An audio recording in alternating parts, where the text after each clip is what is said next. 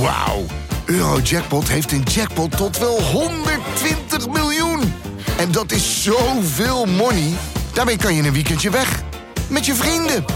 In space. Koop je lot in de winkel of op eurojackpot.nl. Eurojackpot. Een spel van Nederlandse Loterij. Speelbewust 18+. Plus. En ik voelde gewoon het politieke vuur weer branden. Wat een hel was het om dit geheim te houden. Dit is Betrouwbare Bronnen met Jaap Jansen.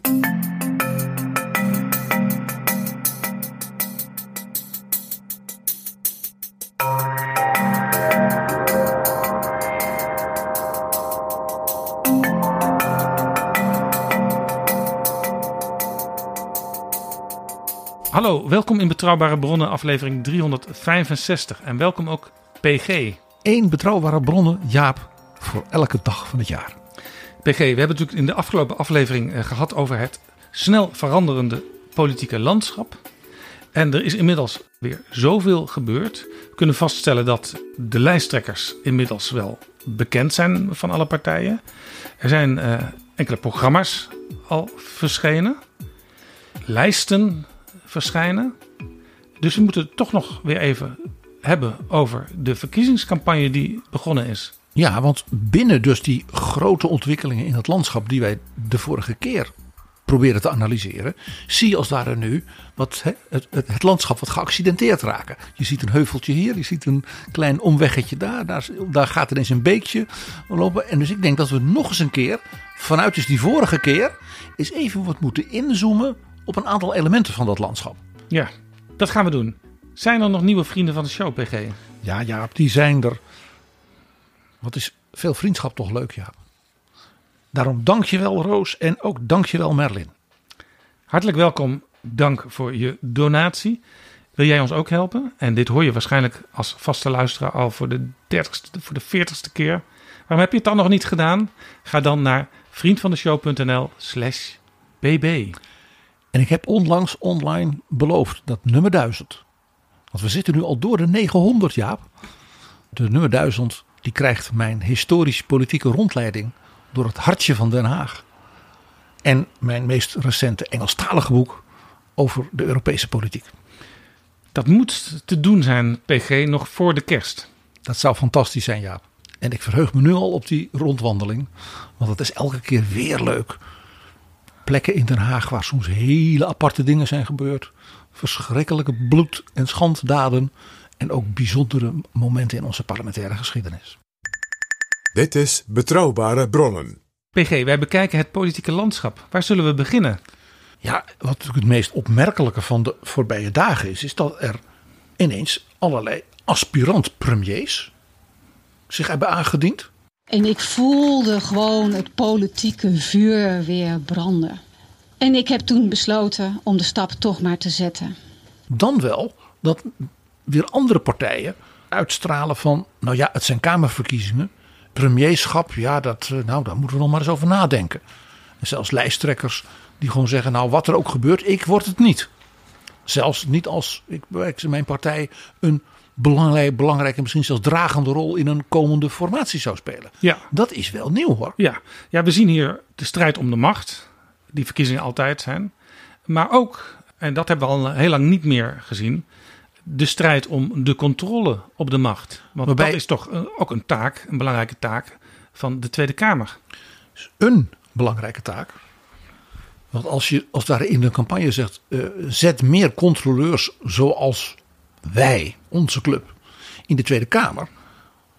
Dan zeg je er ook eigenlijk van. En de macht, ja, hoe nou dat beleid dan gaat komen en wat de belangrijkste punten daarmee zijn voor uw burgers, ja, dat moet u maar aan ander vragen.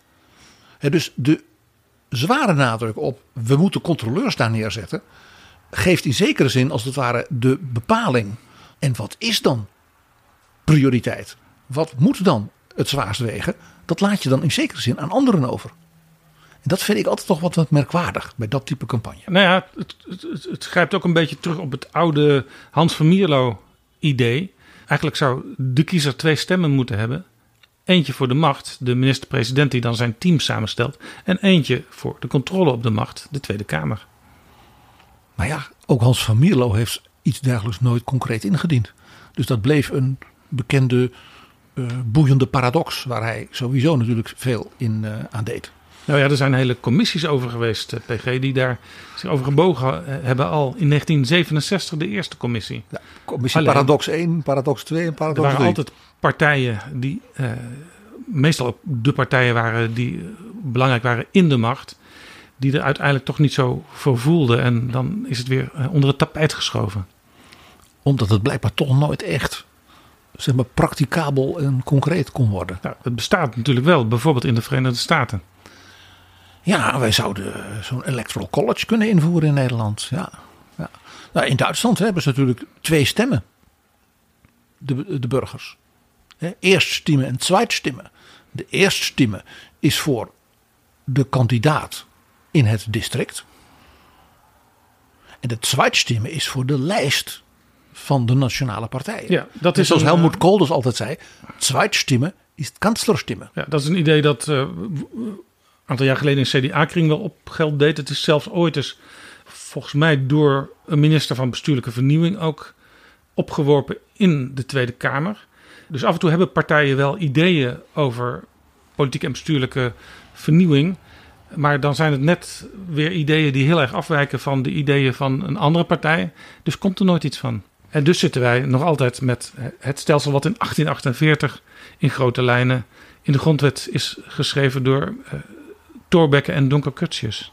zij het dat hun zeer beperkte kiesrecht binnen districten natuurlijk in 1917 is vervangen door algemeen kiesrecht. Eerst voor mannen en daarna voor mannen en vrouwen. Ja, en het dat een aantal ideeën die zij hadden er toen al niet doorkwamen, zoals het afschaffen van de Eerste Kamer.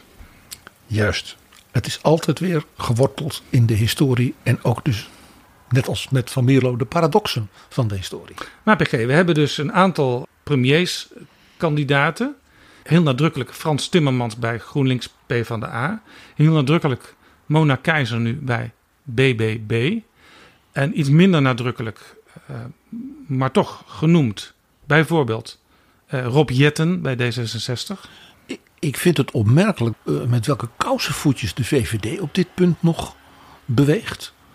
Het was opmerkelijk dat Mark Rutte, toen hij gevraagd werd bij bepaalde eh, gedachten uit het VVD-programma en de gedachten van mevrouw Jezelgus, dat hij zei: Ja, hoor eens, eh, zij is nu de partijleider. Eh, dus hij deed echt een soort abdicatie daarin. Maar de VVD heeft eigenlijk nog niet heel duidelijk gemaakt van wij gaan voor premier Dylan.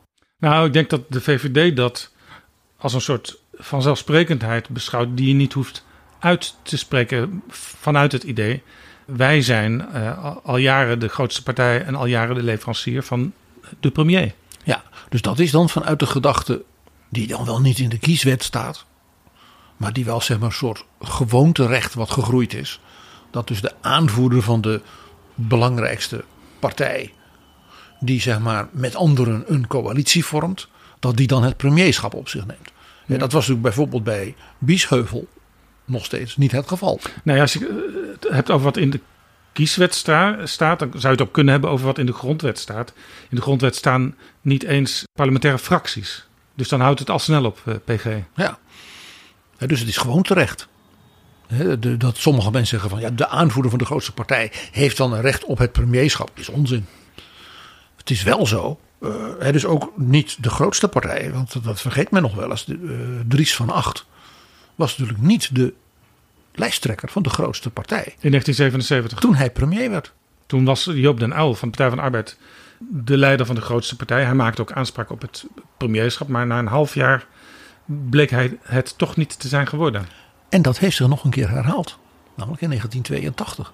En dat zijn nog veel meer mensen vergeten. Joop den Uyl heeft nog een keer 52 zetels gewonnen. En Van Acht ging toen iets omlaag, nog weer, naar 45. En toen kwam het kabinet Lubbers met de VVD. Dus toen was opnieuw niet de partijleider van de grootste formatie de premier geworden. Dus we kunnen stellen dat het gewoonterecht langzamerhand is dat binnen de coalitie de aanvoerder van de grootste partij premier wordt. En nou zit daar iets raars aan, want eh, als dat eh, nu het geval zou zijn met BBB als grootste, dan is niet de aanvoerder van de grootste partij de kandidaat voor het premierschap. maar de nummer twee van de lijst. En dat is een heel nieuw fenomeen. Zoals overigens in zekere zin ook de nadrukkelijke kandidatuur van Timmermans een in mijn ogen toch best nieuw fenomeen is. Men heeft dus als het ware niet gezegd, nou we hebben een bekend parlementair leider en die is nu klaar voor het premierschap. Men heeft iemand van uit Brussel, uit een zeer hoge, belangrijke post. Maar in feite toch gewoon een ambtenaar, hè? zoals men dan eh, wel zegt van de Europese Commissie. Heeft men binnengehaald. Niet met de mededeling, want eh, Jesse Klaver en Adje Kuiken die waren niet zulke goede fractievoorzitters. We hebben een nieuwe fractievoorzitter nodig. Integendeel, die twee zeiden we zijn er enorm trots op dat we deze man op een rol boven die van fractieleider als daar aan het publiek presenteren. Ja, En dat is toch ook wel, ik vind dat best nieuw Je hoor. hoort ook veel spreken over een, een nieuwe generatie die aantreedt. Eh, als je eh, Frans Timmermans zijn politieke tijd bij elkaar optelt, dan komt hij nog zelfs uiteindelijk boven Wilders uit qua dienstjaren. Trouwens, Omtzigt die volgt ook al snel.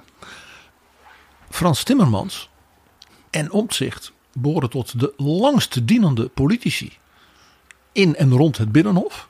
En worden beide dus ge- gepercipieerd als vernieuwers.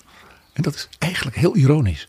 Timmermans kwam in de Tweede Kamer in hetzelfde jaar als Jan-Peter Balkenende. Dat is alweer heel lang geleden inmiddels. Eh, Ik denk dat veel mensen eh, even moeten denken, hoe zat het ook alweer precies met Balkenende? 1998. En, en, eh, jongeren, eh, jonge jongeren, eh, die moeten denk ik echt gaan zoeken. Wie was Balkenende? Dus vandaar dat ik zeg, de ironie van dus de vernieuwing wordt gebracht door mensen die in een veel eerdere generatie politiek zich al aandienden op het Binnenhof. Ja, en toen Frans Timmermans al heel lang politiek actief was, toen kwam pas Job Cohen in 2010 als Partij van de Arbeid leider en vier jaar eerder, in 2006, als premierkandidaat. Want dat was toen ook een novum. Eh, Wouter Bos was de lijsttrekker, maar ze hadden een andere premierkandidaat die zelfs niet eens op de lijst stond. Dus dat is ook weer anders dan nu bij BBB. Zeker, zeker. Vandaar, laat ik zeggen, dat, dat premierschap is ineens dus eh, interessant geworden door die verschillende noviteiten. Ja, Zowel op links als op rechts. Eh, en ook bijvoorbeeld de wat bijna achterloze manier waarop bijvoorbeeld Rob Jetten liet blijken van, nou ja, ik wil graag minister blijven. En als mijn partij de grootste wordt, ben ik beschikbaar. En dat was het. Dat was ook heel anders dan bijvoorbeeld hoe mevrouw Kaag twee jaar geleden werd gebracht. Die werd gebracht als ja, the greatest thing since sliced bread. Nieuw leiderschap. Het is tijd voor nieuw leiderschap. Voor iedereen in Nederland. Als nadrukkelijk alternatief voor Mark Rutte. Dat bleek electoraal ook redelijk te werken. Eh, D66 werd eh, net zo groot als in de tijd van Van Mierlo. Dus de twee hoogtepunten waren allebei 24 zetels. Alleen ja, eh, die partij ging toch, eh, net als het CDA en de ChristenUnie, uiteindelijk weer met diezelfde Mark Rutte, waar ze heel veel vraagtekens bij hadden gezet, in de campagne en zeker ook in de kabinetsformatie. Maar ze gingen toch weer samen. Ik denk dus dat dat de reden is waarom Rob Jetten en zijn mensen daarom zo nu anders opereren. Want als Rob Jetten nu zou zeggen van hè, ik ben de jonge vent, minister klimaat eh, van ja, de nieuwe generatie en die komt, eh, hè, dat men zou zeggen, oh alweer nieuw leiderschap, hihihi. Hè, Ja, dat, dat, ja maar je zou inderdaad, je zou theoretisch zou je kunnen zeggen.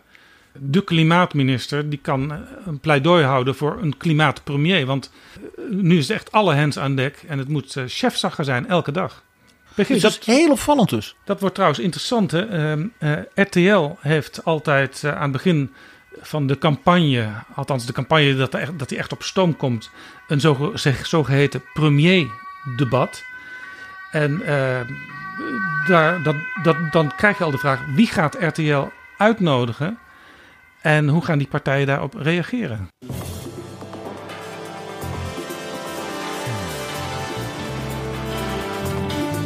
Is zondagavond 26 augustus, 16 dagen voordat Nederland weer naar de stembus moet. Welkom bij het RTL Premiersdebat vanuit de Rode Hoed in Amsterdam. Hier is uw debatleider van vanavond, Frits Wester.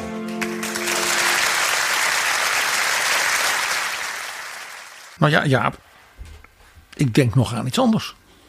als ik even de campagne pundits was van Frans Timmermans, wat God verhoede, zoals dat heet, dan wist ik het wel. Ik zou als Frans Timmermans onmiddellijk Mona Keizer uitnodigen voor een inhoudelijk stevig debat over de toekomst van Nederland. Dit klinkt als een eh, Jeroen Pauw debat. Eh, want in het recente verleden hadden we vaak dat eh, de, de leider van de grootste partij in debat ging met een uitdager. Ik denk een paar jaar geleden aan Mark Rutte met Thierry Baudet. Nou is het.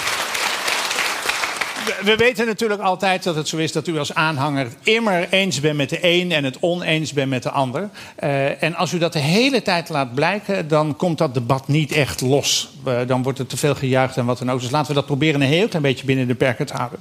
We praten over Europa, we praten over de EU, we praten over de positie van Nederland. Naar aanleiding van de Europese verkiezingen die morgen zijn. Want bij de VVD dachten ze, dat wordt een grote partij. Dat bleek overigens bij de statenverkiezingen ook zo te zijn. En dus in de Eerste Kamer toen. Eh, eigenlijk een beetje wat er nu met de BBB gebeurd is bij de Staten en in de Eerste Kamer. Dus dat, zou voor de mensen rond Timmermans, ook in het kader van wij zijn echt iets nieuws. Ja? Die twee partijen, één lijst gezamenlijk. Die man van buiten hè, als de beoogd premier. Dat zou wij kunnen horen. Dat je van ja, dan gaan we dus ook op dat manier het nieuw doen. Wij zijn in zekere zin met Timmermans zelf die uitdager. Maar mevrouw Keizer is dat op haar manier, zeker na dus die Eerste Kamerverkiezing onlangs, ook een uitdager. En Rutte is weg. Dus de twee uitdagers die gaan met elkaar in debat. En dat wordt natuurlijk super boeiend. En ik denk dat Caroline van der Plas het een geweldig idee zal vinden. als Mona Keizer in debat gaat met Frans Timmermans. En dan kan op een ander kanaal Dylan Jessilgus haar commentaar leveren. Oh ja, dan nodigen wij die uit om live in Precies, de podcast. zoiets, Zoiets, zoiets. ja. Maar dit lijkt me een goeie voor eh, Jeroen Pauw, een gratis advies. Zo'n debat organiseren. Eh, RTL had de vorige keer, eh, ja, eigenlijk heel simpel, de zes grootste partijen, namelijk Rutte, Wilders, Hoekstra, Kaag, Klaver en Marijnissen. Alle zes kwamen ze voor het premierdebat. Maar vier jaar eerder, in 2017, werd er een spaak in het wiel gestoken door Rutte en Wilders gezamenlijk. Want RTL zag, ja, er zijn twee eh groten op dit moment. Dat zijn de VVD en de PVV. Want die stonden in de peilingen ook toen rondom natuurlijk de vluchtelingencrisis. eh, ja, had dus de PVV heel veel nou ja, hete lucht onder de, onder de vleugels ineens. Ja, en daarna volgden drie partijen die wat kleiner waren, maar ongeveer even groot. Dat waren het CDA, D66 en GroenLinks. Dus RTL wilde ook Buma, Pechtold en Klaver uitnodigen. Maar toen zeiden Rutte en Wilders unisono... ja, vijf vinden we een beetje te veel. Vier is wel het maximum. Dus RTL schrapt er maar eentje. En dat weigerde RTL. En toen is het hele debat niet doorgegaan. Dus we zouden ook nog kunnen krijgen dat door dat, dit merkwaardige landschap wat wij de vorige keer ook zo analyseerden, RTL nog moet oppassen dat ze helemaal geen debat krijgen. Ja, want er is eh, een ontwikkeling in de, eh, in de politiek dat partijen zich steeds meer inhoudelijk bemoeien met de inhoud van de debatten. Gelukkig niet eh, bij ons. Dus ja. dat begint al bij eh, wie doet er mee. Maar ook wat zijn de stellingen? En soms legt een eh, organiserende omroep zich er dan maar bij neer. Nou ja, bepaal zelf dan maar wat de stelling is. En dan kijken we even of de tegenstander bij dat blokje het met die stelling eens is. En dat heeft soms tot stellingen geleid ja, waar niemand iets van begreep. En dus debatten die niemand hielpen. Je zou hopen, ook nu, echt die nieuwe tijd waar we nu in komen. Zoals de vorige keer eh, hè, geanalyseerd. Want het is echt nieuw, hè? ik wil dat nog eens benadrukken. We hebben nu twee perioden achter de rug in Nederland. Van politiek zeer verschillende, maar gezichtsbepalende minister-presidenten. Namelijk Balkenende, die toch behoorlijk lang premier is geweest. En, hè, met heel veel ups en downs, en, en, en, hè, ook in zijn kabinet. Acht jaar premier van 2002 tot 2010. Ja. En eh, Rutte, die zelfs eh, het record van Ruud Lubbers kon breken. Ja. Dus dat betekent ook dat je als het ware nu zou, moet, zou kunnen zeggen: van zullen we eens even ja, voor de nieuwe vrouw of man die als het ware die rol gaat vervullen, echt de diepte in. Dus dat je ook inderdaad, nou ja, wat ik zei, hè, van, van laten dan maar twee van die uitdagers, een Timmermans en een Keizer, maar met elkaar echt rond grote thema's. Je zou ook kunnen zeggen van er zijn twee, dus blijkbaar meer liberaal gezinde premierskandidaten. Dat is Rob Jetten en Dylan Jesselgus. Dan zou je ook kunnen zeggen, nou een soort liberaal debat over Nederland. Eh, Henry Bontebal die zei in zijn Hannie van Leeuwen lezing... dat in dat opzicht een hele interessante analyse... die hij gewoon als jong nieuw Kamerlid blijkbaar... die voorbije twee jaar was gaan zien. Die zei, wij voeren een debat in Nederland. Hij noemde het hemeltergend. Waarbij hij zei dat op de flanken doet men heel ideologisch. Hij zegt, maar dat zijn vooral schreeuwerige verhalen. Ja, want die ideologie, debatten, die worden altijd afgerond met een motie van wantrouwen. Vandaar de volgende motie. De Kamer, gehoord de beraadslaging, zegt het vertrouwen in de minister-president op en gaat over tot de orde van de dag. Deze motie is mede ondertekend door de heer Van Haga. En dat zijn dus ook debatten die gaan om wantrouwen, om argwaan. Om anderen definitief nu, u moet weg. Hè, Wegzetten om weg te zetten. Hij zegt maar in en rond het midden worden dus vooral technocratische debatten gevoerd. Ja, Hij dat- hetgeen dus die ideologische overdrijving op die flanken alleen maar aanmoedigt. ja want eh, partijen in het midden, en ik kan namen noemen, maar eigenlijk geldt het voor alle partijen die je kunt bedenken. Die schreven best vaak verkiezingsprogramma's alsof het een concept regeerakkoord was. Daar zat dus zeg maar het compromis met de anderen al ingebakken. Wat er dan ook toe leidde, jij weet, ik heb dat in onze podcast meerdere keren in de voorbije jaren gezegd, als zeer kritisch op het CDA, dat het CDA, zodra ze weer in de coalitie zat, dan het coalitieakkoord ging verdedigen alsof dat christendemocratisch gedachtegoed was. Wat hebben wij toch een prachtig coalitieakkoord en we gaan dat nu toelichten hoe belangrijk we dat vinden. Dat ik altijd zei. Hè? Dan zei ik altijd van, ik zou, als ik het woordvoerder van de Christendemocraten was, zou ik zeggen, we hebben dat coalitieakkoord getekend, zeker. Voor ons waren deze vijf dingen essentieel vanuit zeg maar, christendemocratische overtuiging. En op die twee dingen, ja, nou ja, eh, we gaan proberen die ministers van andere partijen te overtuigen dat eigenlijk onze ideeën toch beter zijn. En daarom was die suggestie van Bontebal om te zeggen, wij moeten eigenlijk een diepgaand ideologisch debat juist van de partijen in en rond het midden met elkaar voeren. Dat bracht mij eigenlijk ook op dit idee. Dat ik zei van nou ja, misschien moet je ook maar een soort ideologisch debat van die middenpartijen met elkaar voeren. Dat je zegt aan de ene kant hebben jullie veel gemeen. Vanuit een soort constructieve houding ten opzichte van het publieke goed. Het bonum commune. Aan de andere kant kun je zeggen ja, maar meneer Jette, u bent geen christendemocraat. En meneer eh, Bontbal, u bent van alles, maar geen liberaal. Ja, ja, en dus juist in en om het midden, om voor de kiezer toch duidelijk te maken dat er wel degelijk verschillen zijn. En dat die verschillen tegelijkertijd met vuur kunnen worden eh, eh, beleden, om maar in die term te gebruiken. En tegelijkertijd altijd vanuit een soort constructieve houding van... ik ga net zo lang met jou discussiëren, want we komen, er samen, we komen samen wel tot een aantal hele goede te dragen voorstellen. Ja, ja, toch blijkt dat in de praktijk best lastig, PG. Want bij de vorige verkiezingen waren er wat één op één debatten. Trouwens, onder leiding van eh, de eerder genoemde Jeroen Pauw. Daar zaten bijvoorbeeld Kaag en Ploemen, Lilian Ploemen van de Partij van de Arbeid, samen. Ja, en die waren het echt voor 99% eens. En ze deden ook niet hun best om nog verschillen duidelijk te maken. En dat is precies wat dat hemeltergende volgens Bontenbal. Van, daar zitten twee dames met een behoorlijke staat van dienst, politiek en eh, ook internationaal. God voor beide. En die gaan eigenlijk vooral tegen elkaar zeggen: Oh, wat vind ik het toch leuk dat jij het vindt wat ik ook vind.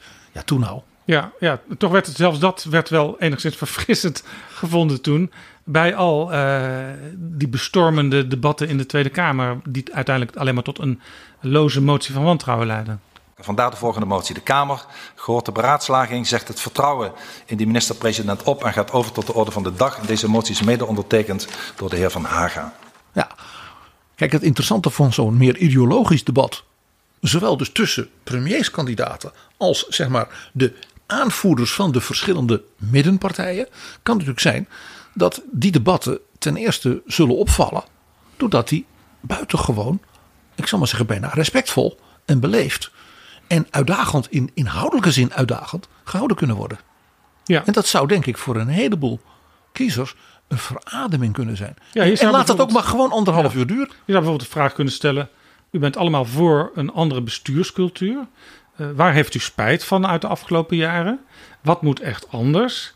Is het alleen maar een kwestie van cultuur of moeten er ook structurele veranderingen plaatsvinden? En wat is cultuur? Ja, overigens, de lijsttrekker die nu een, natuurlijk een heel groot punt maakt van die cultuur, die er zelfs een nieuw sociaal contract met ons allemaal wil sluiten.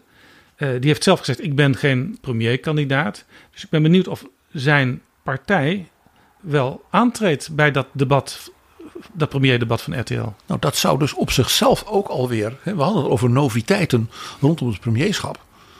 eh, zou omzicht met zijn eigen Mona komen, zal ik maar zeggen. Dus op twee iemand eh, met eh, ambitie en uitstraling, zal ik maar zo zeggen. die dan namens hem, namens NSC, als daar ook zo'n debat één op één met bijvoorbeeld Dylan of met eh, Frans Timmermans doet. Of komt dan toch omzicht? Nou ja, of het is natuurlijk ook heel vernieuwend. Als Omtzigt zegt nee, eh, wij stellen geen premierkandidaat. Het gaat ons echt om de controle op de macht straks in de Tweede Kamer. Wij doen ook eh, bewust niet mee aan dit debat. Dat zou dus heel interessant inderdaad zijn. Dat je zegt van het maakt mij eigenlijk niet zoveel uit. Blijkbaar wat voor richting ons land neemt als we maar kunnen controleren. Nou ja, of je kunt zeggen, eh, wij, wij doen niet mee aan die mal die voor ons is klaargezet. Stem op ons, want wij, wij krijgen invloed, maar wij hoeven niet per se in dat torentje te zitten. Waarbij dus ook nog werd gezegd, ja we moeten ook niet te groot worden. Het, het grappige hier is dus, stel je nou toch voor dat de Mona van eh, de NSC-partij, die komt dan wel in zo'n programma en die doet het geweldig. Zodat een heleboel kiezers zeggen, we hadden al Pieter Omtzigt, nu hebben we ook nog mevrouw Jansen op twee. En die, wordt, die gaat naar het torentje, dat willen wij allemaal. Wat er dan gebeurt, is dat dus gebeurt wat Omtzigt niet wil. Namelijk dat zijn partij groot wordt. Nee, ik heb het al eerder gezegd, dat is een hele interessante propositie. Eh, want hè, wat ik zei, dat is, ik, we willen wel uw steun voor die cultuurveranderingen, maar we willen niet uw stem. We leven echt een beetje in een nieuw land. Hè? Dat nieuwe landschap van de vorige keer heeft zich inderdaad ook gezegd. Er zijn nieuwe heuvels en, en, en, en beekjes en, en wat al niet bijgekomen. Want dat blijkt hier ook uit. En daar komt nog bij, Jaap. Stel je nou toch voor, inderdaad, zo'n uitnodiging komt. Timmermans, Van Dylan, Lesselgus. En dat mevrouw van der Plas en bijvoorbeeld Omtzigt beide zouden zeggen: nee, nee, u, nee, we willen niet dat u met onze premierskandidaat in discussie gaat. Daar we hebben een lijsttrekker, dat is Caroline van der Plas, dat is Pieter Omtzigt. Daar mag u mee, dat is zelfs leuk, mee in discussie. Uh, maar niet over uh, het premierschap. En als die premierkandidaten er wel staan van die twee partijen, dan krijg je nog dat bij wijze van spreken de volgende dag. Dan wordt er altijd nagepraat over zo'n debat. En dan zit Pieter Omtzigt zit ergens en Caroline van der Plas zit ergens. En er wordt gevraagd van, uh, wat vond u van het debat? Ja, dit en dat. En uh, ik heb me zeer zitten, zeer zitten ergeren aan die andere kandidaat, et cetera. En dan is natuurlijk de vraag, waarom stelde uw premierkandidaat daar dan geen vraag over? Waarom is die daar niet boos over geworden in dat debat? Of heeft hij dus de kern van uw ideeën van hoe het met Nederland verder moet, niet, daar niet op tafel gelegd? Ja, en misschien ook helemaal, nog niet helemaal doorgrond. En waarom mocht hij dat eigenlijk niet, die vrouw of die man? Ja, dus wat, is daar, wat is er mis aan Mona dat ze niet zou mogen? Asking for trouble. Ja, dat denk ik dus ook. Doordat dit dus in dat, in dat nieuwe landschap uh, is er dus ook nog geen kaart van dat landschap. Ja. En echt in alle ernst, uh, als je zegt, er zijn dus nieuwe fenomenen. Hè, die ook de claim hebben dat zij veel meer dan andere partijen hè, de echte wil des volks tot uitdrukking brengen. Ja, dan zijn die partijen natuurlijk verplicht. Bijna moreel verplicht om naar de kiezer dan ook klare wijn te schenken. Ja, en toch zegt Pieter Omtzigt, ik ga geen volledig verkiezingsprogramma presenteren. Nou, hij schijnt nu wel, begreep ik, een poging te gaan doen om nog voor de verkiezingen een zo breed mogelijk pakket te kunnen presenteren. Maar goed, dat is dan misschien te laat voor die inhoudelijke debatten, waarvan hij zelf zegt dat moet over de inhoud gaan. En dan is het ook, weer, ook daar weer, dan is het toch merkwaardig als je zelf zegt, ja, maar mijn inhoud is nog niet compleet. Ja, het lijkt me ook lastig als je toch um, in zo'n debat dan bijvoorbeeld, ik noem maar een onderwerp, je komt in het blokje stikstof terecht en je hebt daar niks over in je programma staan. Ja, dus dan kom je niet verder dan boeren hebben het moeilijk. En de natuur moet worden bewaard. En dan worden het dus algemeenheden. Ja, ja. Linker soep hoor. En dat is nog linker, die soep, als zeg maar de premierskandidaat van Nieuw Sociaal Contract of Mona Keizer voor BBB dan tegenover een andere beoogd premier staat. En dan moet zeggen, ja op dat punt, ja dat hebben we nog niet helemaal uitgewerkt. Uh, mevrouw Keizer liet blijken dat ze het programma van BBB eigenlijk niet gelezen had. Dat bleek uit op één, hè, waar ze samen zaten, de twee leidsvrouwen. Uh, u heeft het verkiezingsprogramma al mogen lezen, denk ik? De, we werken eraan. U werkt eraan. Was dat allemaal Con Amore, ik sta hierachter... of heeft u ook nog invloed kunnen uitoefenen? Wat denkt u? Ik hoop, ja, ik, zeker, ja zeker, natuurlijk. U heeft het kunnen bijpunten. Uh, legalisering softdrugs bijvoorbeeld. BBB was voor legalisering van softdrugs, het CDA was tegen. Wat zegt premier Keizer? Dat is een onderwerp dat heb ik nog niet uh, gelezen, dus dat moeten we nog doen. Als u nou met mij een gesprek wil hebben over de ouderenzorg... Daar kan ik wel het een en ander over zeggen. ja, nee, de, maar daar wil u vast niet naar. Jawel, op een ander moment. We hebben nu nog één minuut, dus dat gaan we nu niet meer doen. Mijn vraag is, zijn er veel standpunten van u waarvan u denkt van... ja, daar, daar ga ik nu inderdaad iets anders over zeggen dan tot nu toe? Um, nee, dat denk, dat, weet je, dat denk ik dus niet. Dat is natuurlijk een programma waarin uh, mevrouw Keizer... geen inhoudelijke zeg maar, sturing of duiding van dingen heeft gegeven. Die ze dan wel, als het ware, als premierskandidaat bij anderen moet, moet voorleggen. Dat is best lastig hoor. Nou ja, zoals ik zei, we hebben nu een prachtig en boeiend nieuw landschap. Maar de kaart is nog niet helemaal getekend.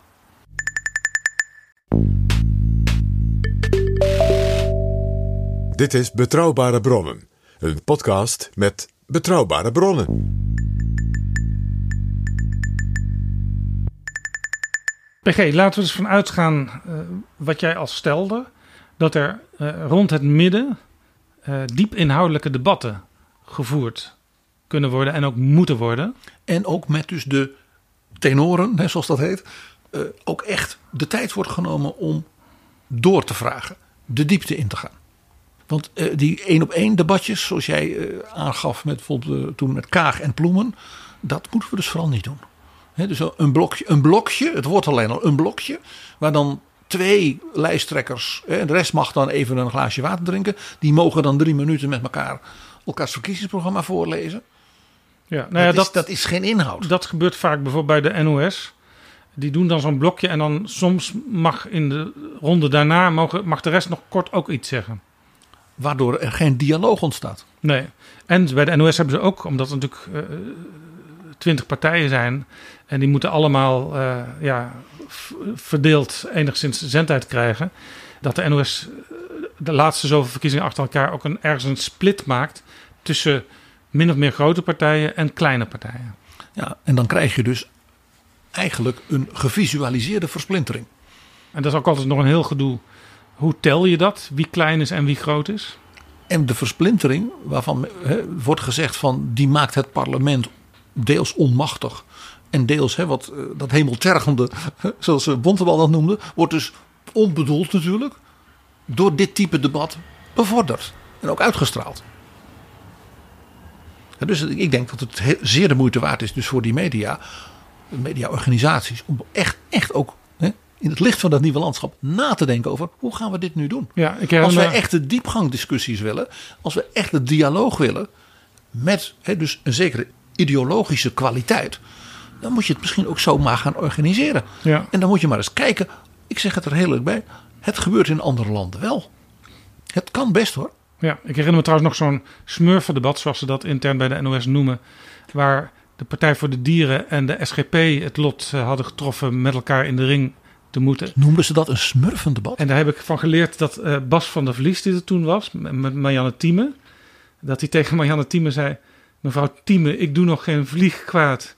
Als ik een beestje zie zitten in de badkamer, dan zet ik hem voorzichtig buiten het raam.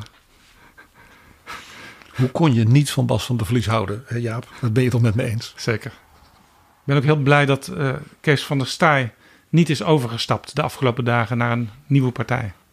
Jij vreesde daarvoor. Grillig en wispelturig als de SGP van nature is. Laten we eens kijken naar uh, GroenLinks Partij van de Arbeid. Verenigd Links, zoals Frans Timmermans uh, dat noemt. Wat zou je van hem willen weten in debatten? Nou, ik zou, als ik nou zo'n de debat zou mogen voorbereiden. Hè, en het dus vooral geen smurfend debat maken.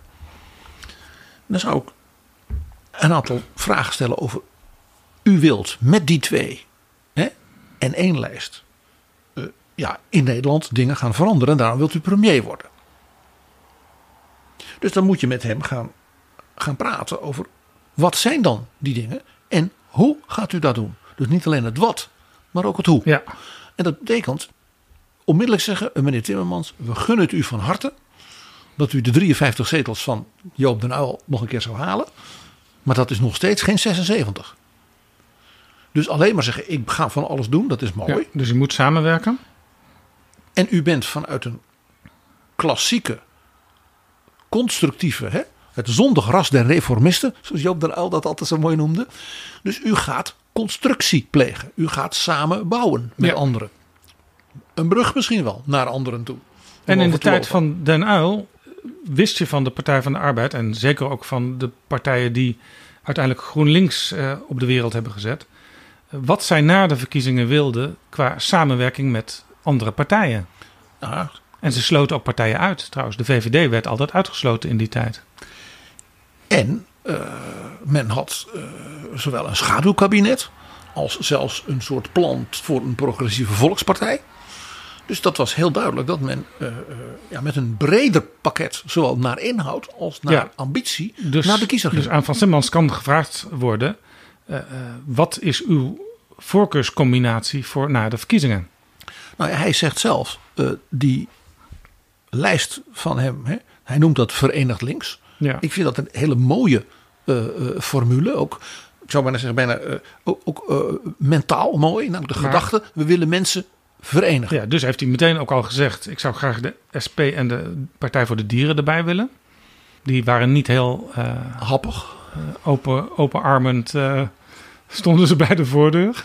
Nee, mij viel op dat hij eh, Denk en bijeen van Sylvana Simons niet noemde. Nee. En natuurlijk D66 al helemaal niet. Nee. Dus blijkbaar dat D66 voor hem betreft is afgeschreven als links. Ja, of als nou ja, vooruitstrevend. Of eh, dat hij eh, realistisch denkt: nou ja, die partij is, is zo'n eigenzinnige partij geworden. Dat is echt anders dan in de tijd van Joop ten Uyl. Dat, dat zou onzinnig zijn om die partij nog bij Verenigd Links te willen halen. Eh, Even los van de inhoud.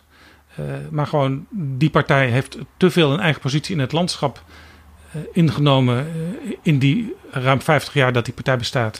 Maar dat is de reden te meer. Dus om met de heer Timmermans dat linkse landschap dan ook eens even te verkennen. Ja. Wie gaat u verenigen En dan is interessant. rondom Precies. uw Verenigd Links? En dan is interessant, hoe haalt u bovenop die 53 zetels die u in uw stoute dromen krijgt, er nog meer bij om eh, over die 75 heen te komen? Want één ding is natuurlijk duidelijk. Dat, dat hebben Klaver en eh, Kuiken natuurlijk volstrekt helder gemaakt bij het vragen en overtuigen van Timmermans om te zeggen Frans kom nou. Dat is dat hij niet gevraagd is als een soort vurige oppositieleider. Nee, hij sluit dat niet uit overigens, maar Nee. het is niet zijn bedoeling. Nee. Dus dan is de vraag gewettigd van hoe, hoe gaat Verenigd Links nog meer verenigen en wie in het bijzonder. Ja, dus, dus eh, En ook dus wat gaat u dan Ja. de kiezers van eh, dat, die overige vooruitstrevende groeperingen, Ja. dat kan zowel politieke groeperingen als maatschappelijke groeperingen zijn, wat gaat u die kiezers dan nog extra aanbieden van begrijp nou goed, wij, Partij van de Arbeid GroenLinks onder mijn leiding, gaan hiermee naar u toe. ja, En dat hoort als het ware bij de vooruitstrevende opvattingen, ambities, zorgen van uw partij en de onze. ja. En, en, en is ook bijvoorbeeld NSC een van de eerste die u gaat uitnodigen in de kabinetsformatie? Om maar een partij te noemen. Ja, als u eh, de SP dus niet mee wil doen, gaat u dan maar in zekere zin in armoede naar NSC? Of, of is of NSC voor u ook een links vooruitstrevende partij? Ja, en u heeft een tijd geleden in de Tweede Kamer al zeer positief met Caroline van der Plas zitten praten. Is zij ook een van de eerste op uw uitnodigingslijstje? En hoe links vooruitstrevend acht u haar en uw eh, concurrent bij BBB, mevrouw Keizer? Wat is in haar cv en eh, staat van dienstpolitiek voor u als daar een soort progressief pareltje. Daar zou ik toch geïnteresseerd in zijn. Maar vervolgens komt natuurlijk een misschien nog concretere en steviger vraag. U heeft toen nog zonder GroenLinks natuurlijk een fase gehad dat uw partij, de Partij van de Arbeid, een nadrukkelijke en zeer krachtige machtsoptie had. Dat was onder Wim Kok. U bent ook zelf onder Wim Kok. op de slippen van Wim Kok in 1998 Kamerlid geworden. Dus die Wim Kok, die zag u wel zitten. En dat was in de tijd van de innige samenwerking met de VVD en D66. En dat is dus ook een punt wat je dus denk ik echt serieus inhoudelijk moet bespreken met een Frans Timmermans. In de zin van, als u straks, hè, à la Wim Kok, een sterke positie verovert omdat mensen u vertrouwen. Uh, safe pair of hands. Zou u dan niet ook net als Kok zeggen van dan ga ik naar de vooruitstrevende en wat minder vooruitstrevende liberalen. En ga kijken wat we samen kunnen doen. Dan komt ook weer de vraag: wat zijn dan de inhoudelijke accenten van Verenigd Links, waarmee u D66 en de VVD kunt overhalen om te zeggen: laten we het gaan proberen. Ja, en dat is interessant uh, hoe Frans Timmermans zich verhoudt tot het tweede kabinet Rutte, waar hij zelf als minister in zat. Hij heeft ervaring als minister in zo'n kabinet met liberalen. Ja. En die hebben hem zelfs zo gewaardeerd dat ze hem benoemden in de Europese Commissie. Maar tegelijkertijd is het natuurlijk interessant dat de Partij van de Arbeid uh, toen een vreselijke smak kreeg naar negen zetels bij de verkiezingen. Die toen was zijn nooit meer te boven gekomen. En toen was Timmermans inmiddels dus in Brussel beland. Ja. En behalve dat de Partij van de Arbeid daar electoraal niet goed uitkwam uit die periode, zijn toen ook een aantal dingen in gang gezet waar ook Partij van de Arbeid bewindslieden bij betrokken waren. Ik noem maar uh, de omgang met uh, Groningen, de aardbevingen, de kindertoeslagaffaire die toen nog niet zichtbaar was, maar uh, die toen in feite ontworpen werd, ontstond. en dat was wel PvdA-minister Jeroen Dijsselbloem Precies. met zijn VVD staatssecretarissen. En hij kan natuurlijk Timmermans uh, ervan gebruik maken. Ja, dat was niet mijn terrein en ik was uiteindelijk daar ook weg uit dat kabinet. Uh, maar toch zal bijvoorbeeld NSC, als Pieter Omtzigt ook in een debat met Timmermans komt, die zal daar opmerkingen over gaan maken. Kritische opmerkingen. En uh, Henry Bontebal zal hem herinneren aan de invoering van het leenstelsel door PvdA-minister Jep Bussemaker. Met steun van de Liberalen en GroenLinks. Kortom, dat wordt nog ingewikkeld, dit soort vragen. Ja, dus er komt dan ook natuurlijk de vraag aan Timmermans: van u wilt een aantal dingen repareren, ook in sociaal opzicht, dingen die fout gegaan zijn. Welke dingen zijn dat? Waarvan u zegt, ja, dat hadden wij als PvdA misschien toen niet moeten doen. Daarna zijn anderen gaan repareren, zoals, dus ik zal maar zeggen, Robert Dijkgraaf met steun van het CDA, het, dat leenstelsel. Uh, zijn er nog meer van die dingen? En natuurlijk een volgende punt. Ook dat uh, komt dan aan de orde. Onder Rutte 3 en 4 is men natuurlijk, zeker Rutte 4, een zeer ambitieus klimaat- en energietransitiebeleid gaan voeren. Helemaal in lijn en in de geest van Frans Timmermans in Brussel. Ja. Hij had wat dat betreft geen klagen over die kabinet Rutte, waar de Partij van de Arbeid en GroenLinks niet in zaten. Dus als hij zegt, ja, maar we gaan een aantal dingen repareren. Onder andere uit de tijd dat de PvdA wel met Rutte regeerde. Hè, dat is de ironie ervan. Dan komt natuurlijk de vraag, en waar gaat u dat van betalen? Ja. Want de prior, als je gaat prioriteren, ja. bijvoorbeeld uh, armoedebeleid, en de, nou ja, Groningen en dat soort dingen. Ja, dat geld, komt dat dan uit dat klimaatfonds? Want het zal ergens vandaan moeten komen. Of gaat u, maar ja, dat zal dan weer lastig zijn als hij, bij wijze van spreken, een soort paars 3 wil. Gaat u zeggen, ja, dan gaan de hogere inkomens, hè, de VVD-kiezers en D60-kiezers gaan dat maar betalen. Nou, dit zijn dus echt van die funderende vragen. Waarvan ik denk dat, en Timmermans is natuurlijk een buitengewoon slimme man. Dat kunnen hele informatieve en ook dus ideologische debatten worden. Ja. Want dit spreekt natuurlijk, hier zitten ideologische keuzes onder. Heel nadrukkelijk. Of je zegt, we gaan hem weer paars. dus een vooruitstrevend verenigd links met liberalen. Of we gaan een optie zo ver mogelijk over links. En dan moeten we kijken wie we er dan nog bij halen.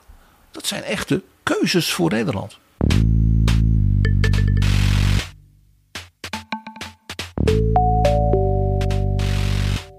PG Frans Timmermans kwam op het toneel als de grote uitdager.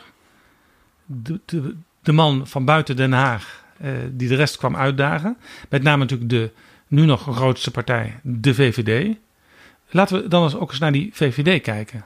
Een van de eerste partijen nu die het verkiezingsprogramma al volledig heeft gepresenteerd. Ja, ik eh, moet zeggen, petje af voor uh, de partijorganisatie. Uh, je zou bijna denken dat ze wisten dat die verkiezingen zouden komen en Rutte weg zou gaan. Ik hoorde meteen toen, toen Dylan Jasilgus aan haar tekst begon bij de presentatie afgelopen vrijdag. Uh, haar zeggen: De zuurstof verdwijnt uit onze samenleving. Ik dacht: Oh, gaat dat over een teveel aan CO2? Gaat het misschien over stikstof? Gaat de VVD nu, net als een aantal andere partijen, klimaat helemaal voorop stellen? Uh, maar nee, het bleek te gaan over mensen die te weinig ruimte krijgen in deze samenleving. Ah, zij, zij voelde een soort ademnood. Ik heb zelf steeds vaker het gevoel dat de zuurstof uit onze samenleving verdwijnt. Dat regels ons verstikken. Dat we elkaar soms verstikken. Er is echt weer ademruimte nodig in ons land. En dat vond ik nogal wat. Na 13 jaar Rutte aan de macht als premier... Uh, hebben de mensen in Nederland uh, een tekort aan zuurstof ademnood dus. Ze, komen, ze moeten ze happen naar adem om nog overeind te blijven. Ik moest even denken aan 1994. Toen werd het CDA-verkiezingsprogramma gepresenteerd. Even situatieschets.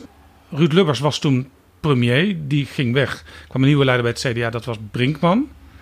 En dat verkiezingsprogramma werd gepresenteerd met het woord waterscheiding. Er vindt nu een waterscheiding plaats. Daar was uh, Lubbers achter de schermen heel boos over. Maar eigenlijk doet Dylan Jasilgus nu met de vertrekkende premier, uh, Rutte in dit geval, hetzelfde als ze zegt: de zuurstof is aan het verdwijnen uit onze samenleving. Nou, ik had nog een ander visueel beeld. Weet jij nog dat fameuze filmpje van Rita Verdonk? Van Trots oh, dat Nederland. Was het water staat ons tot aan de lippen. Met en al die mensen die dus zij, bijna... ging, zij ging letterlijk in een zwembad met een uh, aantal kiezers...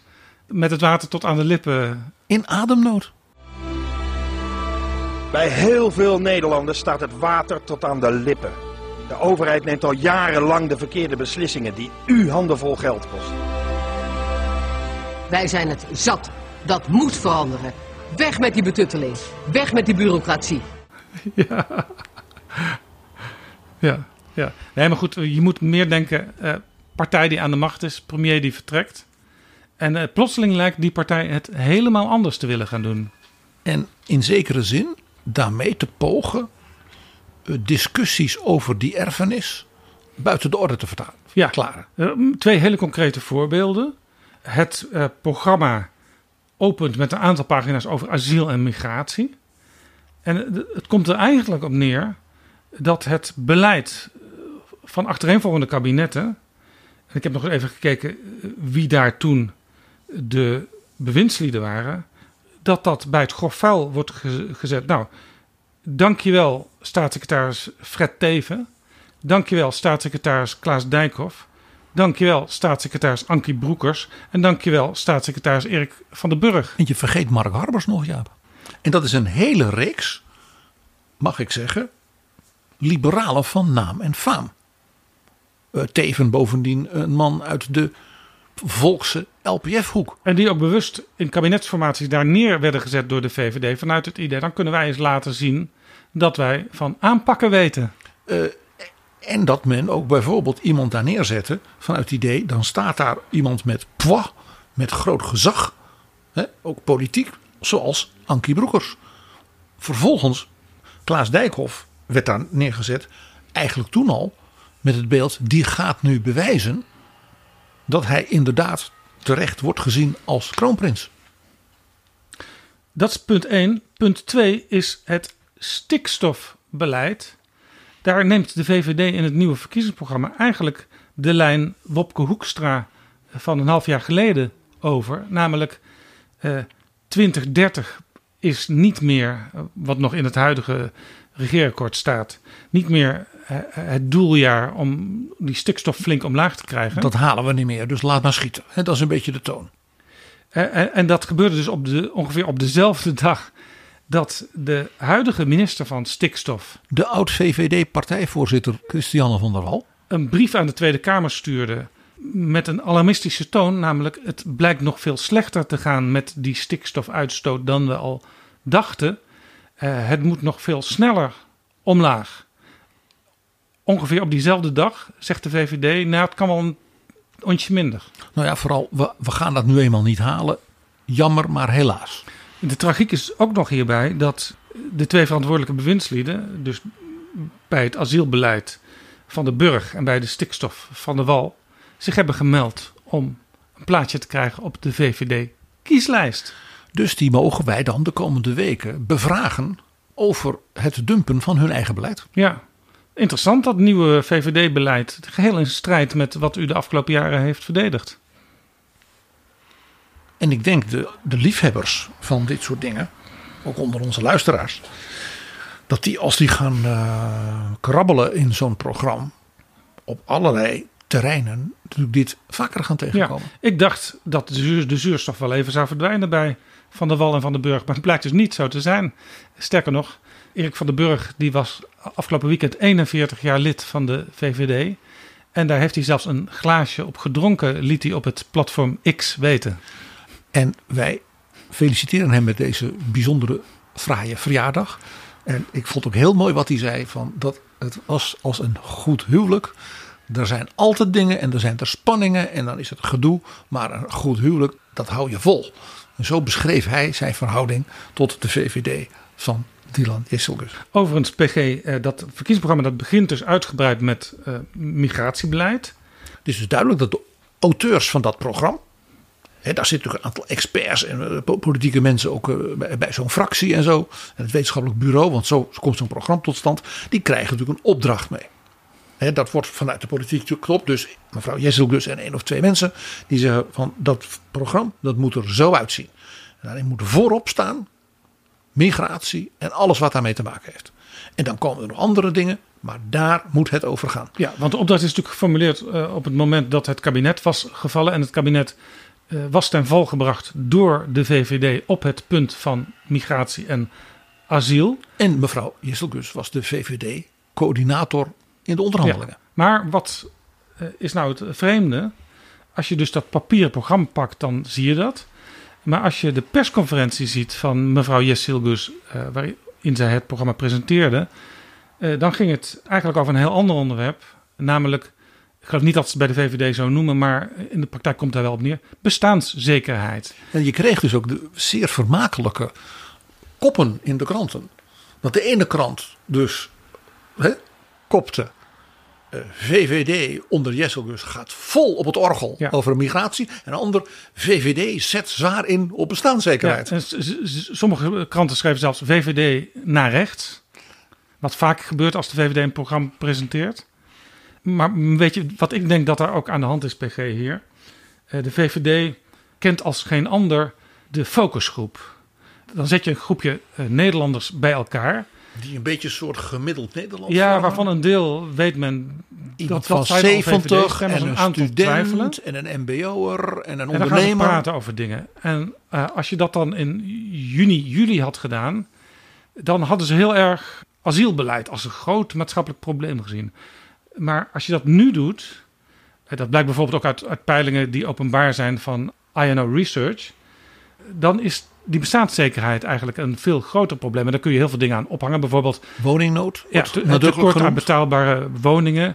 Krijgt eh, bij moeder of krijg ik zelf nog wel de zorg straks die ik nodig heb. De energie is toch wel heel duur en de Precies, inflatie de is toch een punt. Al dat soort dingen. Dus bread, bread and butter issues, zoals de dat Amerikanen staat nu op nummer 1. Dus ook logisch dat de partij die dat eh, ja, tot in de naad he- he- helemaal heeft doorontwikkeld, naar focusgroepen luisteren en dan je verhaal daaraan aanpassen, die heeft het nu ineens ook over bestaanszekerheid. Net als, ik noem maar een paar partijen, GroenLinks, Partij van de Arbeid, eh, CDA, D66, NSC, BBB. En het interessante is daarbij dat dus niet alleen de VVD een kaarsje brandt voor Wopke Hoekstra als het gaat om landbouw, stikstof en dergelijke. Maar dat dat onderwerp ook tegelijkertijd weg is. En ik wilde nog even aan herinneren dat het VVD-partijcongres destijds tegen de wil van de partijtop in het beleid van mevrouw van der Wal al afkeurde. Men zei dat moest allemaal veel minder streng. Ja. Dat is dus in het programma gekomen. Wat jij dan de Hoekstra-lijn noemt, ik zeg eigenlijk dat is de lijn van het VVD-congres contra Rutte en contra mevrouw van der Wal. Maar tegelijkertijd heeft men het onderwerp als het ware ad acta gelegd. Want men begint dus asiel, asiel, asiel. Oh ja, bestaanszekerheid. En dat maakt het ook weer lastig voor natuurlijk BBB eh, om kiezers in VVD-kring te werven. Ja, dat is natuurlijk Want dat onderwerp dat is als het ware aan het verdwijnen Ja. uit, de, En dat- uit dat- de focus van, Ja. de, van, de, van de burgers. van de VVD lijkt een beetje te zijn zo groot mogelijk blijven. En dat vooral aan de rechterkant te doen. Ze hebben al de deur opengezet. Dylan Jestergus heeft de deur al opengezet naar Geert Wilders. BBB is natuurlijk eh, de grootste partij geworden in de Eerste Kamer. Dus daar moeten ze ook naar kijken. Dus kunnen ze inderdaad over stikstof eh, niet al te vasthoudend zijn. En vooral er niet over hebben. Zodat er weinig aangrijpingspunten zijn voor Mona Keizer. Voor Caroline van der Plas. Om de VVD op dat punt aan te vallen. En natuurlijk wat ook duidelijk is, is, door, is dat de VVD eh, hoopt dat natuurlijk al die andere splinters op rechts, Ja 21 en BVNL en wat dan niet, dat die elkaar en zichzelf de das omdoen. Zodat die kiezers zoiets hebben van ja, ja, ja. Om nou te voorkomen dat het rode gevaar eh, hè, eh, de macht grijpt, gaan we dan maar naar die Dylan. Ja. Want dat is ieder geval geen Rutte meer. Dus er is te verwachten dat de VVD het oude trucje weer wil toepassen, wat bijvoorbeeld in 2012 is toegepast. Grote debatten met eh PvdA GroenLinks, Frans Timmermans. Want ja, één van die twee moet toch het land gaan leiden. En we kunnen het toch niet aan die ander overlaten. In 2012 weten we eh, dat er een kabinet kwam van die twee samen. Ja, en wat natuurlijk ook interessant is, is als mevrouw Jessel dus, dus nu zegt: asiel, asiel, asiel. Oh ja, bestaanszekerheid. Dat ze daarmee natuurlijk een flank openzet, kwetsbaar, voor zelfs ook CDA. En voor eh, Timmermans. Want die kan zeggen: ja, mevrouw, inderdaad. Bestaanszekerheid, woningnood. Het gevolg van uw beleid al die jaren. Ja, en het is de vraag of. De... En dat u nu met eh, eh, ja, reparatiepogingen komt, ja, die zijn niet zo erg geloofwaardig. Onze reparatiepogingen gaan altijd verder. Op dat punt kan natuurlijk Timmermans zeggen: wat wij bieden is toch echt beter nog. Ja, Qua dat is altijd minimumloon. dat is qua- opnieuw het verhaal PG eh, van eh, de kopie en het origineel. Ja, en daarom, dat moet ik je eerlijk zeggen, dat heb ik ten opzichte van onze vorige editie, is dat pas bij mij echt doorgedrongen. Was die manoeuvre, om geen ander woord te gebruiken, van Timmermans om te zeggen: en wij gaan ook nadrukkelijk in het licht van, van Poetin en de oorlog in de Oekraïne vol op loyaal bondgenoot in de NAVO, 2%. Hè? Hij om, omarmde het initiatief wetsvoorstel van Dirk Boswijk van het CDA. Dat was daarom natuurlijk ook heel slim. Omdat hij dan tegen de VVD-kiezers in het midden en meer kiezers in het midden kan zeggen van nou ja, als het gaat om de bestaanszekerheid kunt u altijd beter bij ons zijn. Maar we zijn weer niet linkse drammers. Op dat punt van de veiligheid, de defensie en de verdediging van de vrijheid staan wij pal. Daar kan Jezelgus hem niet heel erg op aanvallen. Want ook onder Rutte hè, is natuurlijk Nederland niet heel snel dicht bij die 2% gekomen. Gelezen hebbend het VVD-verkiezingsprogramma, daar staat die 2% nu ook in als een eh, wettelijk na te streven norm. Maar dat is opmerkelijk, want eh, de VVD beleed het al die jaren alleen maar met de mond, maar eh, zorgde er niet voor dat het gebeurde. Nee, en Timmermans kan dus zijn stap recent dus als een soort Hollandse versie van de Zeitenwende brengen. En zegt tegen de VVD, ja u heeft wel er veel over gepraat. Maar het al die tijd, 13 jaar niet gedaan. Nou, dit betekent dus dat je bij de VVD, net als bij Timmermans, natuurlijk moet gaan vragen, mevrouw Jesselgus, wat is uw fundamentele strategie met Nederland? Gaat u zeggen van, wij willen natuurlijk groot worden. Dat, mogen ze, dat willen ze allemaal, behalve nieuw sociaal contract. Ja, het gaat haar vooral natuurlijk om groot te blijven. En dat is, bij haar betekent dat dus relatief groot blijven. En misschien er nog wat extra bij. Hè, dat is altijd mooi. Dan zal zij een koers moeten bepalen. En is dat een koers? Bijvoorbeeld, ik volg hierin ook als groot rolmodel Frits Bolkestein. En je begrijpt, dat betekent dus een paarse coalitie. Dat was Bolkestein. Men roept altijd nu, hij was zo rechts en het was zo'n grote denker. Dat was misschien alle twee nog waar ook. Maar hij was wel de man van paars. En de andere mogelijkheid is dat ze zegt: nee, ik ga dus niet Bolkestein volgen. Ik ga Rita Verdonk volgen. Dat is, we gaan op rechts en de populistische hoek de deur openzetten. Nou, Want dat was natuurlijk het meest kenmerkende van zeg maar, de politieke koersbepaling van Rita Verdonk. die signalen zien we uit de VVD de afgelopen weken. Dus ik noem dan naast Verenigd Links, heb je dan binding rechts. Binding rechts voor de jonge luisteraars was ooit de naam van een van de vele afscheidingen van de Boerenpartij. Nou, we hadden het er al even over.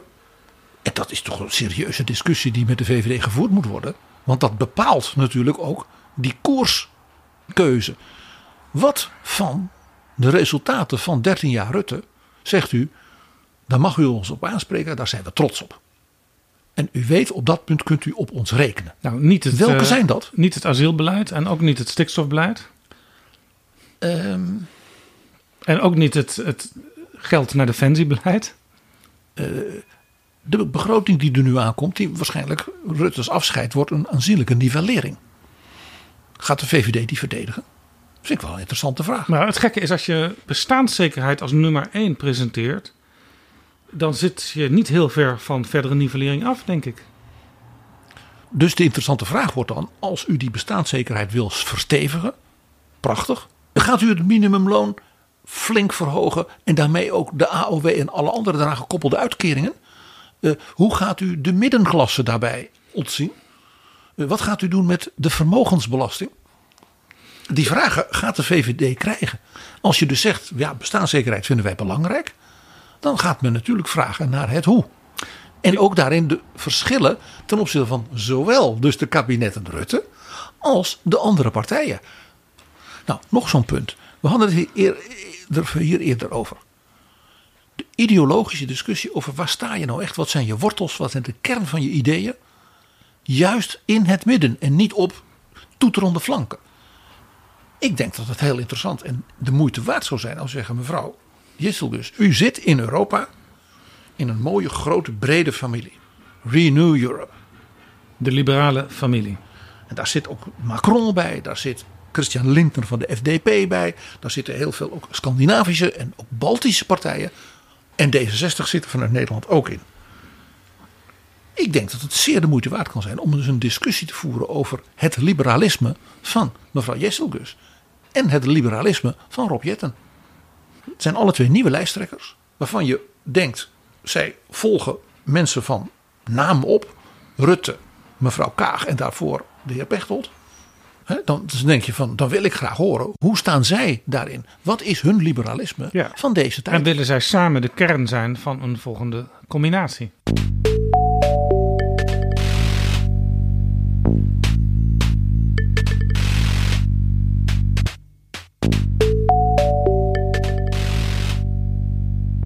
PG, gezien wat er de afgelopen dagen gebeurd is, moeten we het toch ook nog even hebben over de BBB, de Boer-Burgerbeweging. Ja, daar zag ik afgelopen vrijdag een politieke travestie. Ik zag iemand uit het CDA naar de top van de lijst komen. Iemand, Naar het torentje bedoel je? Iemand uit de PVV. eh, twee mensen uit Ja 21, waarvan eentje zelfs bereid was om de negentiende plek in de lijst te gaan. Maar die bezetten. kwamen beide uit Forum voor Democratie. Dus BBB ja, heeft een soort poging gedaan zijn, eh, zou ik zeggen, zijn portfolio te verbreden. Eh, maar niet met mensen waarvan je zegt van dat is nou eh, hardcore opkomen voor de boeren. Het platteland. Want geen van die drie is daar nou als het ware een, een, een soort, soort drager van, dat, van die boodschap. Het sluit ook niet aan op het beeld wat volgens mij BBB de afgelopen maanden probeerde te creëren. Namelijk wij zijn een brede partij, wij zijn bereid tot compromissen, we willen meebesturen in de provincies, we willen ook graag in de Eerste Kamer meepraten over het beleid. Uh, ze hebben nu toch echt wel laten zien, met name met mensen uit PVV en Ja 21, dus ex-FVD erbij. Uh, ja, wij staan toch wel heel scherp aan de rechterkant van het spectrum. En ja, dat in combinatie met uh, de verhalen van we sluiten niemand uit. Wat in feite betekent, wij accepteren partijen die andere mensen wel uitsluiten. Niettemin als mogelijke partner. Ja, je hebt het nu over de PVV die ze uh, accepteren. Het argument is trouwens natuurlijk raar als je de hele tijd hebt gezegd... wij sluiten Mark Rutte uit om ooit mee te gaan samenwerken. Maar dat was dan een persoon blijkbaar. Ja, en gelukkig zijn ze daar nu voor behoed dat ze dat nog een keer moeten herhalen. Want Mark Rutte is zelf vertrokken. Wat hier natuurlijk ook speelt, is door te zeggen: nee, wij sluiten niemand uit. Uh, dat ze het lastiger maken voor zichzelf. Om als het ware die rol te vervullen die men claimde van wij kunnen in de breedte met andere partijen, als ze maar op willen komen voor de boeren en een beetje nuchter en zo en hè, dat, dan komen we er wel. Want door te zeggen nee, wij sluiten de PVV niet uit, zijn ze dus in zekere zin afhankelijk van de VVD. Want het nieuw sociaal contract heeft gezegd: nou, sorry, eh, die extreemrechtse partijen die zijn antidemocratisch. Ja. Dus daar moeten we niks van hebben. CDA, nou, heeft, het CDA heeft glashelder bal ook gezegd. D66 zegt het al langer. Of Frans Timmermans hoeven het verder niet te hebben. Dus ja, in zekere zin heeft dus BBB met deze keuze zich afhankelijk gemaakt van de VVD. Ja, voor BBB loopt dus de kabinetsformatie via de VVD. De partij van minister Van der Wal. Om weer eens de ironie van de politiek in dit landschap aan te stippen.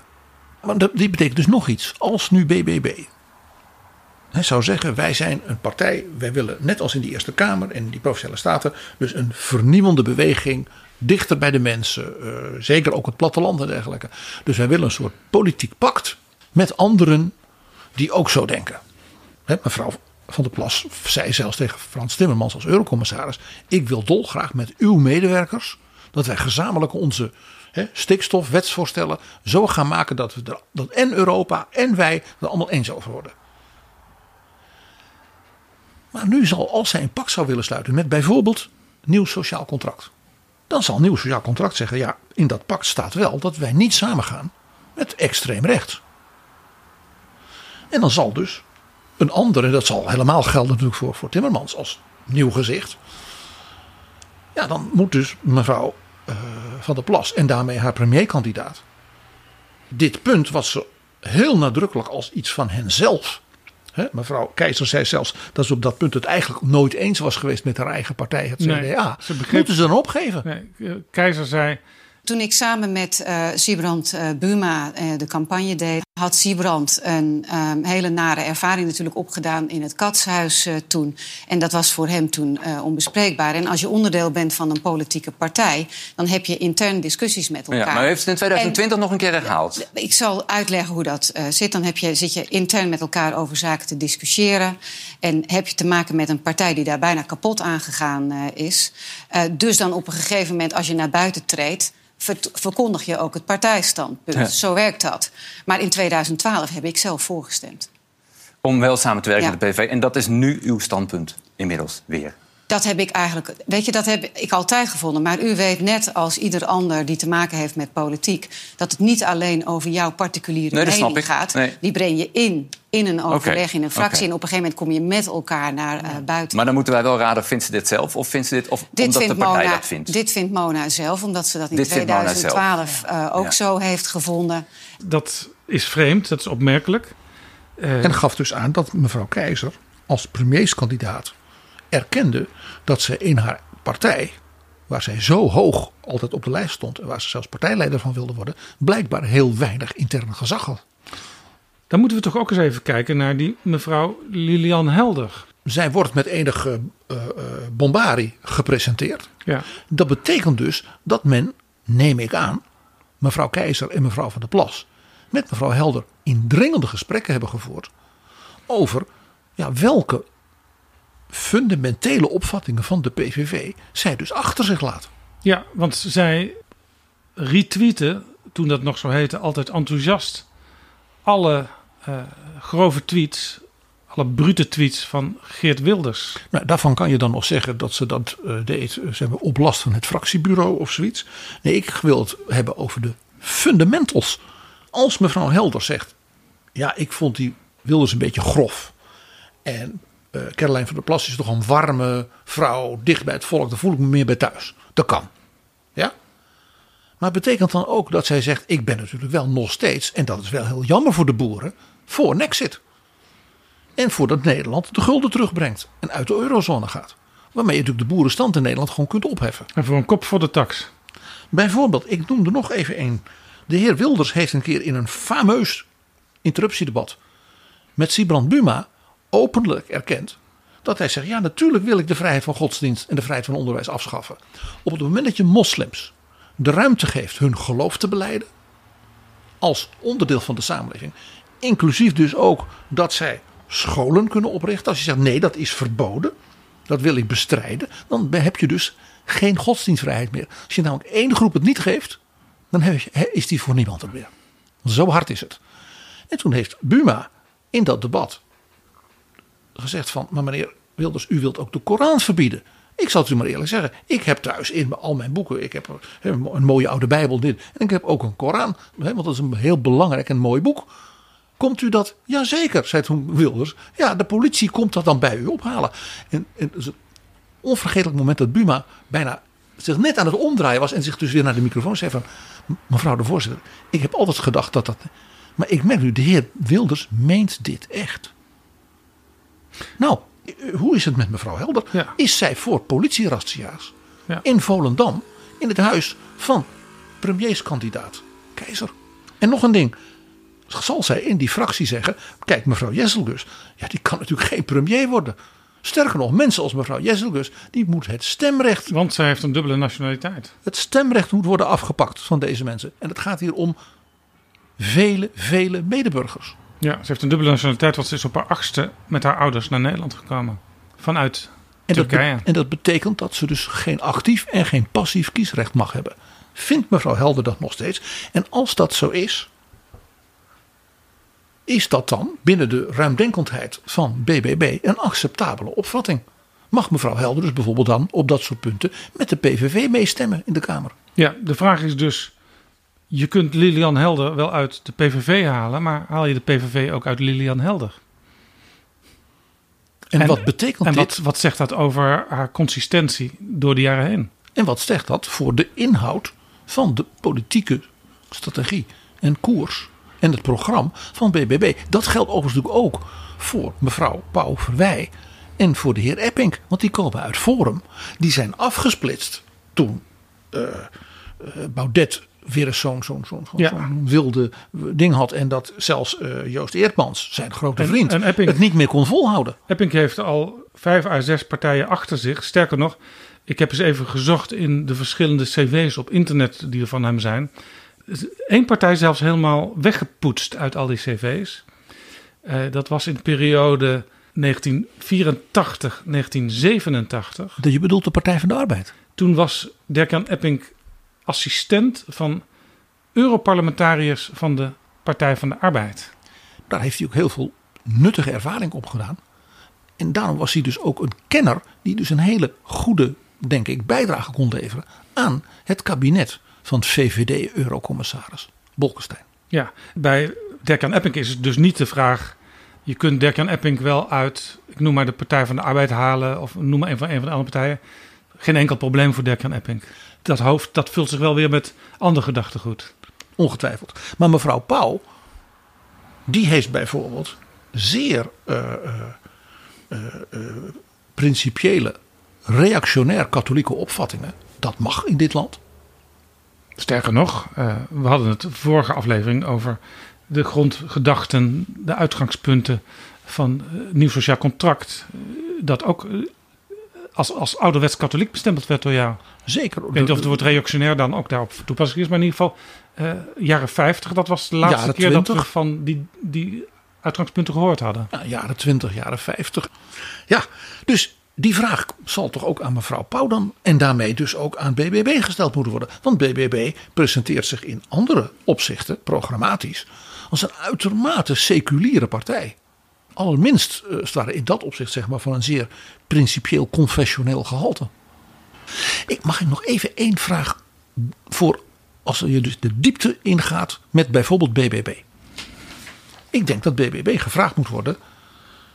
Er is nu door alle provincies een plan ingediend om met de boeren er goed uit te komen hè, in de stikstofcrisis. Dat kost 58 miljard. Wij nemen aan dat u dat graag zult geven, zodat de boeren met de provincies ter plekke er samen goed uit kunnen komen. Vertelt u even waar u die 58 miljard vandaan had. Want als u dat niet vertelt, dan bent u de boeren en de kiezers op het platteland dus een rad voor oog aan het draaien. De BBB gaat het verkiezingsprogramma niet laten doorrekenen door het Centraal Planbureau, heeft de BBB al bekendgemaakt. Dat mag, dat is een vrije keuze. Maar dan, dan heeft u te meer de plicht om dan uw financiële uh, uh, stevige grondslag wel aan met name dus ook de boeren uh, in de regio mee te delen. Want als zij het moeten geloven dat dat allemaal goed komt, maar u heeft dat geld helemaal niet beschikbaar. Dus u zegt dan, we vonden die, dat, dat fonds van mevrouw van der Wal al niks. Ze krijgen dus dan misschien nog veel minder. Hoi, ik ben Alexander Klupping. Ik weet dat jij, net als ik, met heel veel plezier luistert naar betrouwbare bronnen. Maar je zou Jaap en PG echt helpen als je nu vriend van de show wordt. Dat kan met een donatie per maand of per jaar. En dan kunnen ze nog veel meer afleveringen maken en zeg nou zelf, dat wil jij ook. Dus ga nu naar vriendvandeshow.nl slash bb en doe het niet straks, maar nu. PG, in de vorige aflevering onthulde jij de wonderbaarlijke terugkeer van het katholieke denken in de Nederlandse politiek. Eh, met name dus bij NSC. Afgelopen zaterdag had Hans Goslinga een interessante column in Trouw.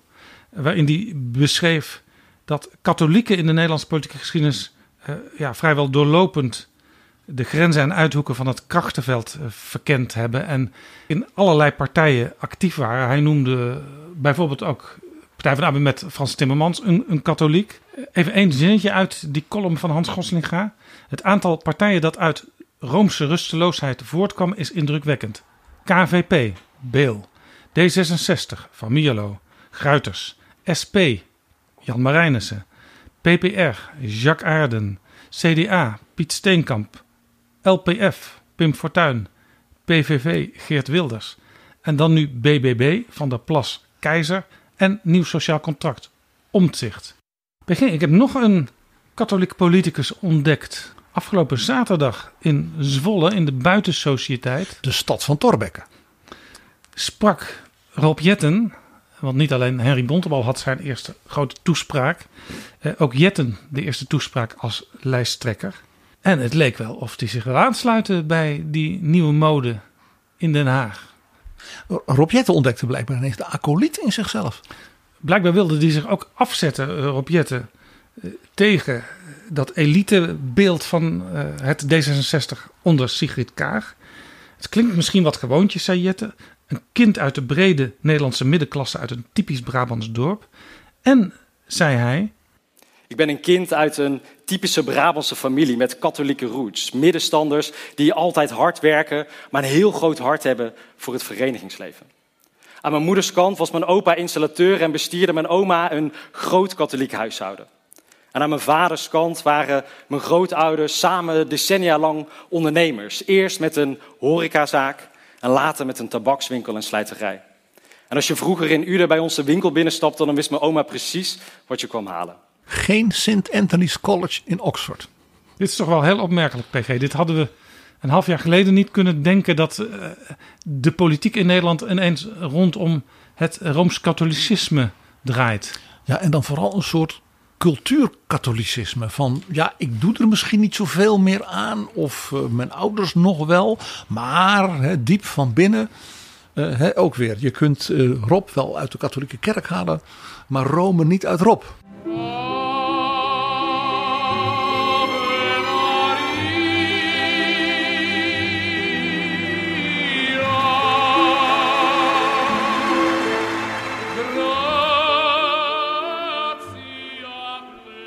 En zo, zoals jij in de vorige aflevering D66 en het CDA allebei in het politieke midden plaatste. Omdat, omdat Rob Jetten dat zelf nadrukkelijk zei. En hij, het is nog herhaald deze dagen door Jan Paternotte. Die de, de fracties in de Kamer opriep van het midden. Om dus niet allemaal belangrijke wetsvoorstellen controversieel te laten verklaren. Ja, de klimaatdrammer Rob Jetten, zoals Klaas Dijkhoff hem ooit stempelde. Die zei zelfs letterlijk, ook in die speech afgelopen zaterdag... Uh, we moeten niet meer preken of drammen, die tijd is voorbij. We moeten nu gewoon doen. Kun je natuurlijk ook zeggen als je inmiddels minister van Energie en Klimaat bent. En misschien ben ik ook wel een klein beetje saai. Zeker in een tijdperk waarin opvallen, schreeuwen, afwijken altijd maar lijkt te worden beloond. Maar voor mij is dit het verhaal van de Nederlandse belofte. Dat als je hard werkt, je meer kunt geven aan je kinderen en aan de mensen om je heen. De Dutch Promise, Jaap. Waar komt dat vandaan? Uh, natuurlijk, uh, I Have a Dream een beetje van... Uh... Een beetje, nou... Het komt uit de H.J. schoollezing van Wopke Hoekstra. De Nederlandse belofte. Nederlandse gezinnen. Gezinnen van allerlei samenstelling en achtergrond. Vaak anderhalfverdieners, twee kinderen, hardwerkend, goedwillend, no-nonsense. U ziet ze zitten. De stille motor van de Nederlandse samenleving. Opgevoed met het idee dat wie goed zijn best doet en omkijkt naar zijn naaste, vooruitkomt in het leven. Dat, weer net, dat die het weer net een beetje beter zal krijgen dan de vorige generatie. Dat wie hard werkt, daarvan de vluchten moet kunnen plukken. En precies die quid pro quo, die wederkerigheid, voor wat hoort wat, was altijd de centrale belofte van het Nederland van na de Tweede Wereldoorlog. Wij zijn niet zozeer een land waarin een enkele krantenjongen miljonair wordt. Wij zijn het land waarin heel veel dubbeltjes erin slagen om kwartjes te worden. De H.J. schoollezing van Wopke Hoekstra alweer een aantal jaren geleden, die toen als nogal rechts werd uh, ervaren door de luisteraars in de zaal. Uh, ja, ik kan me nog herinneren dat mij was gevraagd. Dus ik heb de laatste drie minuten van de speech uh, en het applaus gemist. Om te hollen naar de studio om een eerste indruk te geven. En toen was ook mijn eerste analyse van er zitten een aantal dingen in die nogal, laten we zeggen, een behoudende aspecten uh, onderstreepten. Ook die, ging, die speech ging toen heel erg over asiel en migratie, zoals het VVD-verkiezingsprogramma nu. Het ging vooral over integratie. Niet zozeer over instroom. Ja, nou, het gevolg dan natuurlijk ja, van uh, migratie. Ja, maar dat was opvallend. Dus ik vind, ik vind deze wellicht onbedoelde verwijzing daarnaar uh, wel pikant. Ja, ja, ik denk dat, dat, dat Jette niet bedoelde om zich nou meteen bij uh, de rechtervleugel van het CDA-denken aan te sluiten. Nee, maar wij stellen nu wel één ding vast, ja. Dat is dat de beide liberale partijen, als het gaat om stikstof, de VVD en hier D66, Wopke Hoekstra beginnen aan te halen zodra hij weg is. Dit is Betrouwbare Bronnen. PG, het is niet de bedoeling dat we in elke aflevering van Betrouwbare Bronnen nu het politieke landschap gaan verkennen.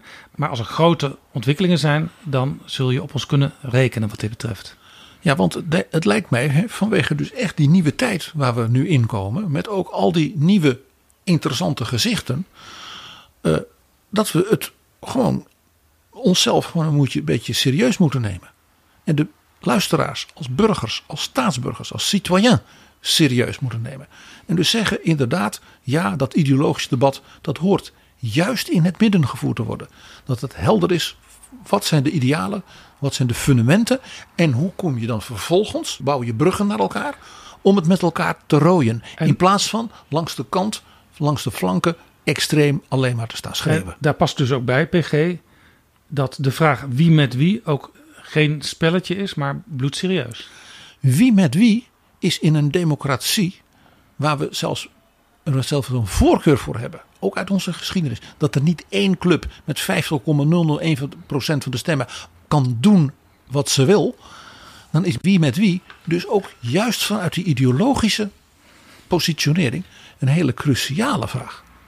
Want die zegt iets hoe je vanuit die ideologische idealen en fundamenten bereid bent met anderen voor het bonum commune dingen te gaan doen. Voor het algemeen welzijn, vertel ik dat dan maar. Dankjewel, PG.